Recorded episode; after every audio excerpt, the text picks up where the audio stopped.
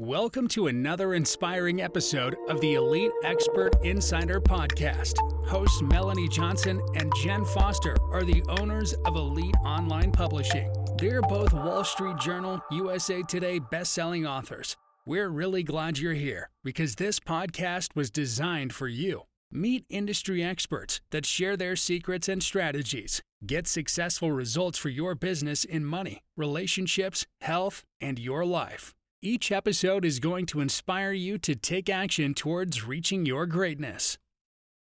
Hey everyone, it's Melanie Johnson. Welcome back to our podcast. We're so glad to have you here today. I'm here with the co founder, Elite Online Publishing, and my co owner, Jenn Foster. Hey, Jenn. Hey everyone, how's it going today? Well, if you're confused about advertising and paid advertising, you know, there's the organic thing and then there's the paid thing. And I don't know about you, but every time I go to run a Facebook ad, I just like want to pull my hair out. I mean, I used to own TV stations. It was easier to just place the ad, you put pick the TV show and then it just ran, but you never really knew how it did. But now we have all these metrics. It's just so confusing. So now we have an expert, Mary Ann Pruitt. She owns Mosaic Advertising and so she's going to connect all the dots for us and make this simple and, and tell us what we should be doing. Welcome, Mary Ann. Thank you for having me on. I'm really looking forward to the conversation. Well, tell us a little bit about your background and how you got into advertising. It's so funny. I love every entrepreneur story because we always have a unique path that leads us down that path and we become accidental business owners.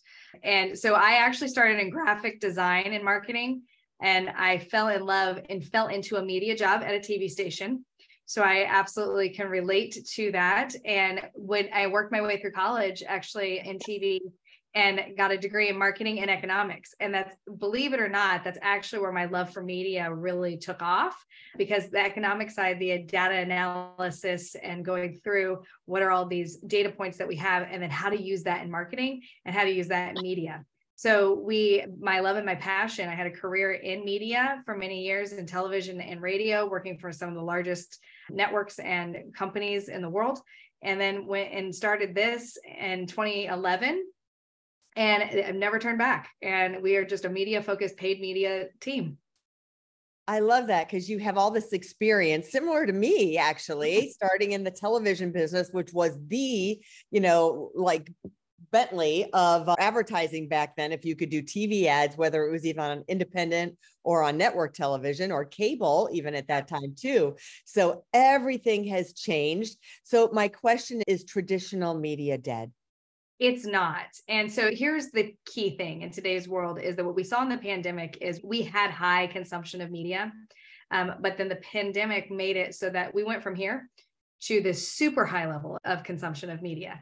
And now we overconsume. We we were already overconsuming and every study was telling us oh my goodness all you know americans are overconsuming mm-hmm. media and they're on their screens how many times a day? But now yeah. we see that this overconsumption and the thing that's great and interesting is that those numbers have not dropped back down. And why haven't they? Is because we created new habits during the pandemic.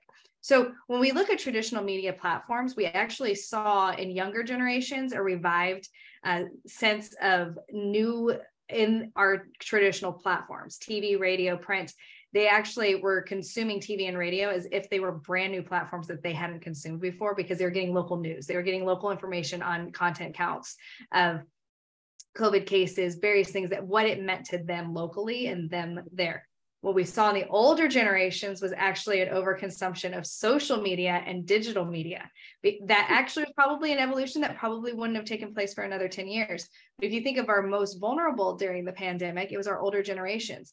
How are they going to stay in contact with family? They were all of a sudden going on to social media like it was a brand new thing, and they were going to it to droves. So traditional is not dead. We have to use each tactic in its strength, but we do have to start using them together. We have to look at how is traditional, where's the strength in traditional, and where's the strength in digital, and how are we marrying these together? It's really important to make sure that we have all the above. I like that because I think it's hard to know like where do I go? Do I do Facebook ads? Do I do Google ads? Do I do Hulu ads? Hulu's telling me I can do an ad on Hulu. Like, how does that all work? Yeah, and it becomes so confusing. When I started in media, uh, it was very much you had very few options. You had TV, radio, print, outdoor. That's pretty much it, and that's all you could do.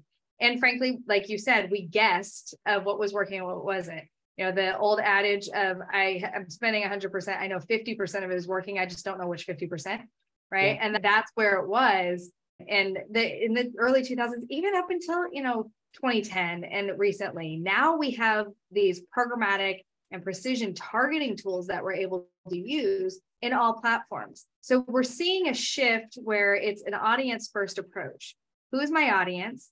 Where do I then go and find my audience? Where are the impressions mm-hmm. for my audience and targeting my audience and building a plan around that as opposed to the shotgun approach. And now the great thing is I have these precision tools that you're able to use to be able to target that individual, that avatar, that persona that you're trying to go after.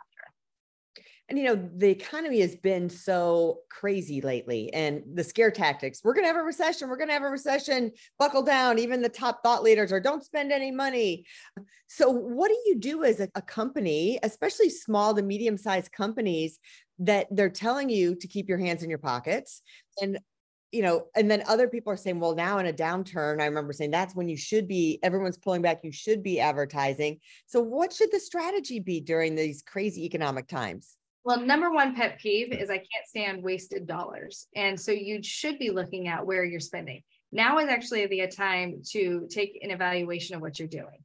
And Mm-hmm. now is the time and every year you should be doing this it's hard we get into business and we're like oh well something mm-hmm. things are working things are going I'm, i just don't have time to look at it mm-hmm. you should analyze it regularly and look and see what you're doing and frankly find a partner that can help you in analyzing this and that's mm-hmm. an okay thing don't be scared to find a partner to help you figure out what is for today and where to target it Mm-hmm. I would say for companies in this time frame of a scare of a recession, of scare of anything, this is the time to late, play leapfrog on mm-hmm. your competitors and actually look at okay let me identify who is that individual that customer that i'm going after and let me put some precision targeting tools into place. Find a partner that can help you with it so that you don't you're not taking over the overhead. You're not putting that in there. Don't be scared of it. It's actually not going to cost you as much money as you think it's going to cost you.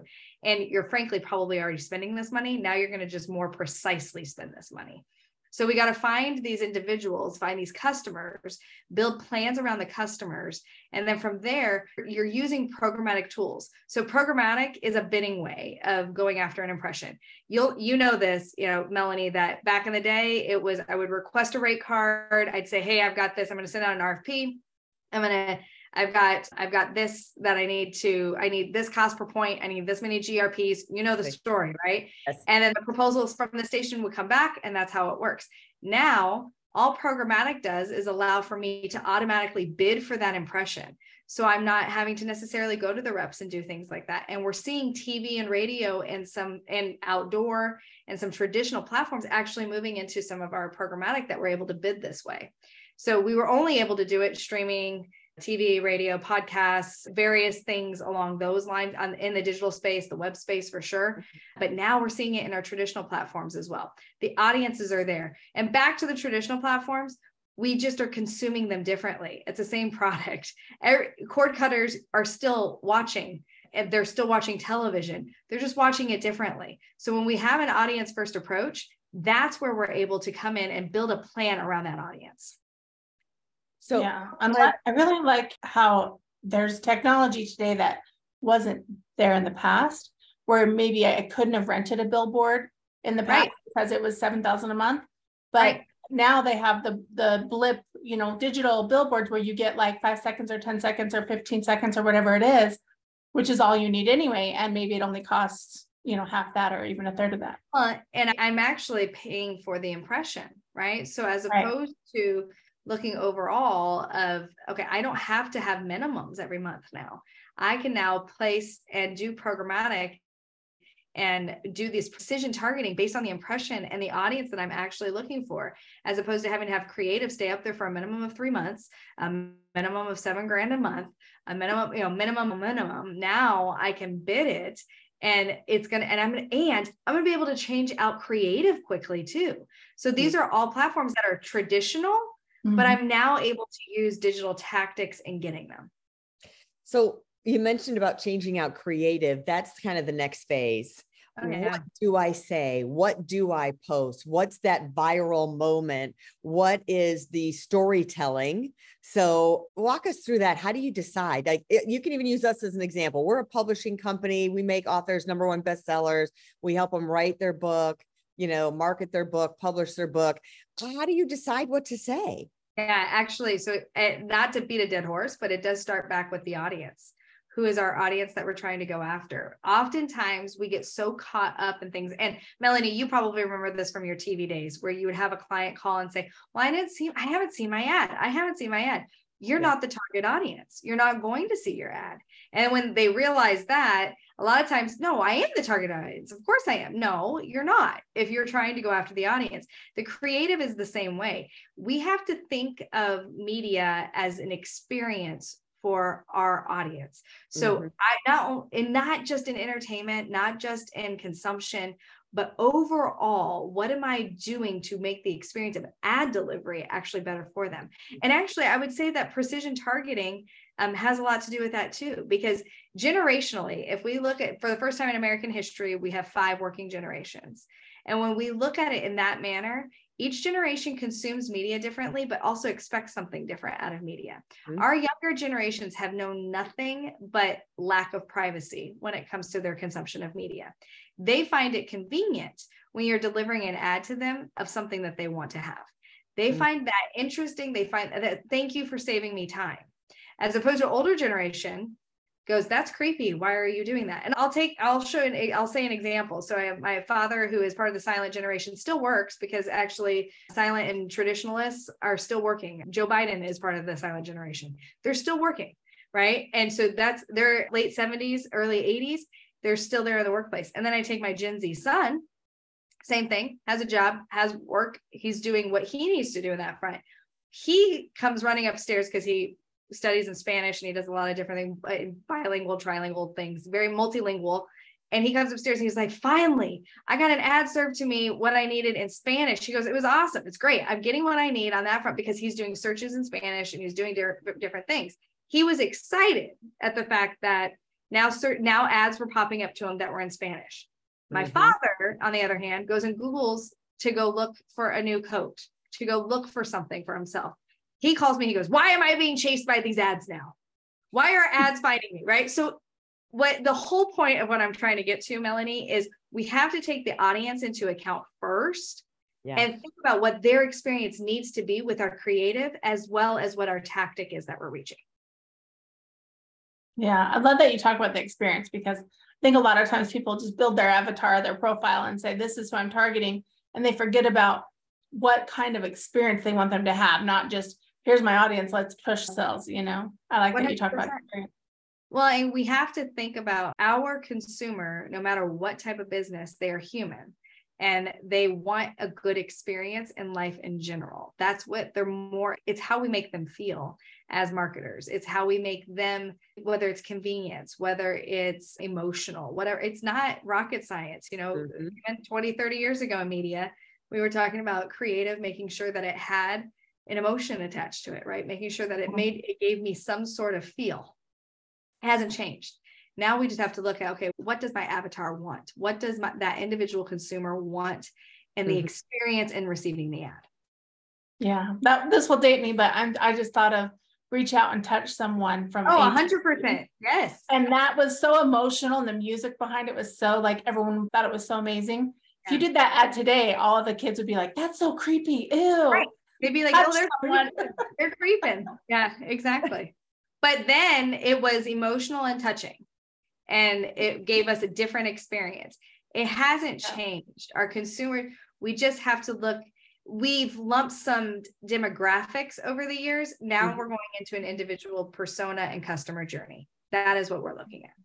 So everyone's talking like video marketing is really popular, let's say. It is. Yes. Video is, is the jam and you know video can be on all your social media platforms pretty much and even a tv commercial what are some of your do's and don'ts for creating video once you know your target market obviously yeah. So when you're actually running video ads, keep this in mind first. It is the number one consumed eh, that our consumers want. They like to consume video. This is highly, whether it's targeted or what, they like to consume video. It's quick. We are a microwave society. We want things quick. We want it fast. We want to be entertained, right?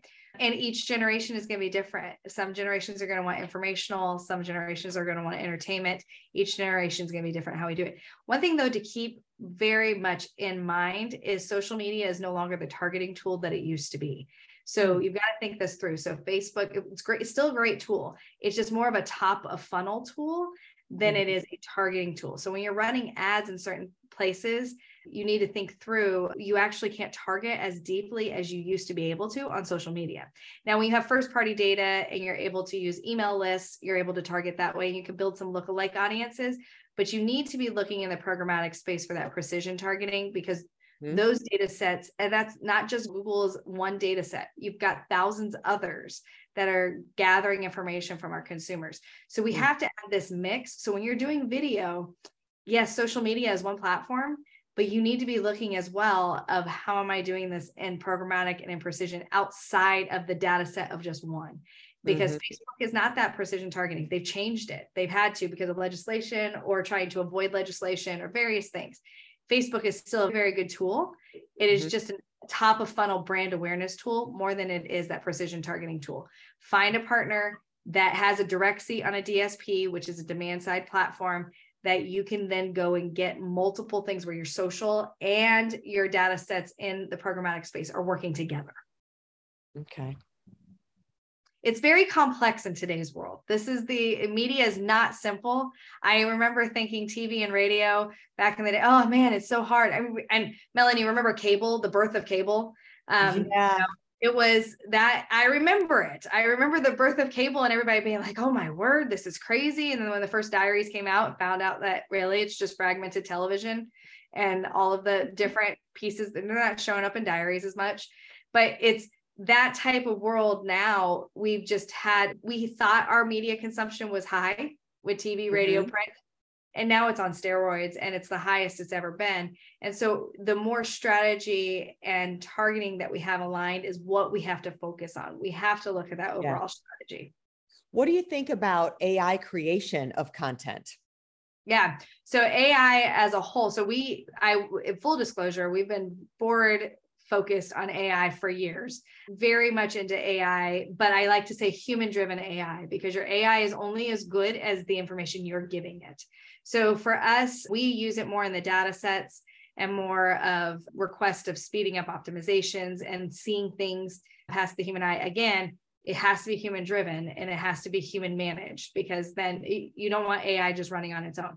I still think that there's some place to go with AI creative, but it's there's some pretty incredible tools out there that are going to change some things. The biggest thing that I think it changes in advertising is that or any type of marketing is still providing value. If AI is a tool, and we have to think of AI as a tool. And I often, when I talk about it and I talk about the different generations and how we're consuming, AI yeah. has been around for a long time. And if you remember, when the internet had been around for a long time, but if you remember the late 90s, all of a sudden it was like, oh my word, what's going to happen? What happened was the World Wide Web just became available to everyone. Mm-hmm. And that's what's happening now is AI has been around for a long time. It's just now available to all of us.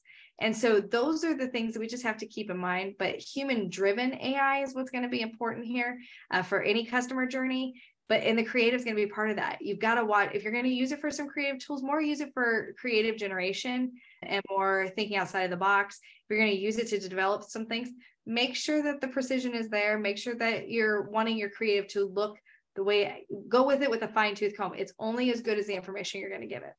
Are there any specific tools that you like that you could oh. share oh, with our audience? There, there are tons. Actually, I could probably give you a few that you could put in the show notes. Yeah, give us our top three. Yeah. So, you know, ChatGPT is great, but for what it needs to be used for. You know what I actually find fascinating about ChatGPT? ChatGPT was created for coding it wasn't actually created for what most people are using it for, right? So it was actually used for coding to speed up the process for Silicon Valley. And there's so Jasper is a good one for content development on social media, but there but Jasper has you know 20 different competitors and they're all trying to stay up on each other as well. Um, what I do like are Adobe products right now. Adobe is doing a lot of rollouts of uh, various pilot programs and various things on the creative side. I would mm-hmm. say that they're pretty strong. They're the more expensive tools. And then you've got Microsoft and Google that are going to start catching up too. Google, the CEO of Google came out and said that we've got so many more than what people can even see. But Microsoft is rolling out all of theirs. You know, I was just actually at an AI conference a couple weeks ago. And what's fascinating about it, what I thought was great and incredible was um, them saying, actually, probably in a year or two, you're going to wake up and your emails are drafted for you and you're going to just be able to approve them and push send. And to me, I'm like, that's glorious. That sounds amazing, right? Like that. But if any of us remember, I remember getting my first inner office email and going, I'm never going to use this. This is stupid. I'm going to walk down the hall. I'm going to go talk to Jane. I'm going to go ask her a question as opposed to write an email. And now we're all addicted to email. So mm-hmm. it's, it's just an evolution. It's a matter of a question with AI of it allows us to do more in a day and those of us that are staying on top of it and people that are staying on top of it, it will become a good tool for you. But your mm-hmm. days are, it's just like office, you know, it's just like email where now I can do more in a day than I was doing before. AI is the same thing. So there's, I, no joke, there's so many different video um, editings, various AI tools that are out there. Yeah, I, I love a lot of people are talking for sure. Yeah, I love that a lot of people are talking about the four hour day, the four hour work day instead of the eight hour day and yeah. cutting everything in half. Because if your production can stay the same, or basically having two teams where you work for four hours full time and then another team comes in for four hours full time and everyone has a better lifestyle because of it. Well, and it's going to be a matter of I think there's going to be a, I think there will be some bad actors, right, that will abuse it and that means that now your 4 hour your 8 hour day more mm-hmm. is with work from a 12 hour day for the most part, the efficiency side of it is there if it's used correctly. And that's where you want to see it go. Yeah, so true. Tell people where they can reach you, Mary Ann. Yeah. So I always offer to anyone who hears me on a podcast, I'm happy to have a conversation and analyze your media. Our team, we have a full team that um, comes and can help you analyze what you're doing in the paid space. We hate wasted dollars and we love to go the extra mile. You can reach me on our website mosaic.agency forward slash contact that comes directly to my email. That's mosaic.agency forward slash contact. You can also find me on LinkedIn. I love to connect, as well as on Twitter at Media Maps. We put out media tips regularly and articles. We're constantly putting up blog posts and articles as well what's what to keep up with in today's media world. And I love that you had such a robust background. I think that just brings so much to the table coming from that same background. I just can't say enough about Mary Ann's background that she has such a robust background that she really knows what she's doing. So uh, check her website out, everybody. And thanks for joining us. And if you're looking to write a book and become a number one best-selling author, we guarantee number one bestseller, either Wall Street Journal or Amazon. We help you write, market, and publish your book submit that author button and we'll see you soon. Thanks for joining us. Have a great week, everybody. Bye. Bye. Bye. Hey, are you looking to increase your revenue, build credibility, and elevate your brand? This podcast is brought to you by Elite Online Publishing, an innovative publishing and full spectrum marketing company. They will publish and market your book to make it a number one bestseller. Becoming an author is the best way to market your business. So contact them at eliteonlinepublishing.com today all of their authors become number one bestsellers.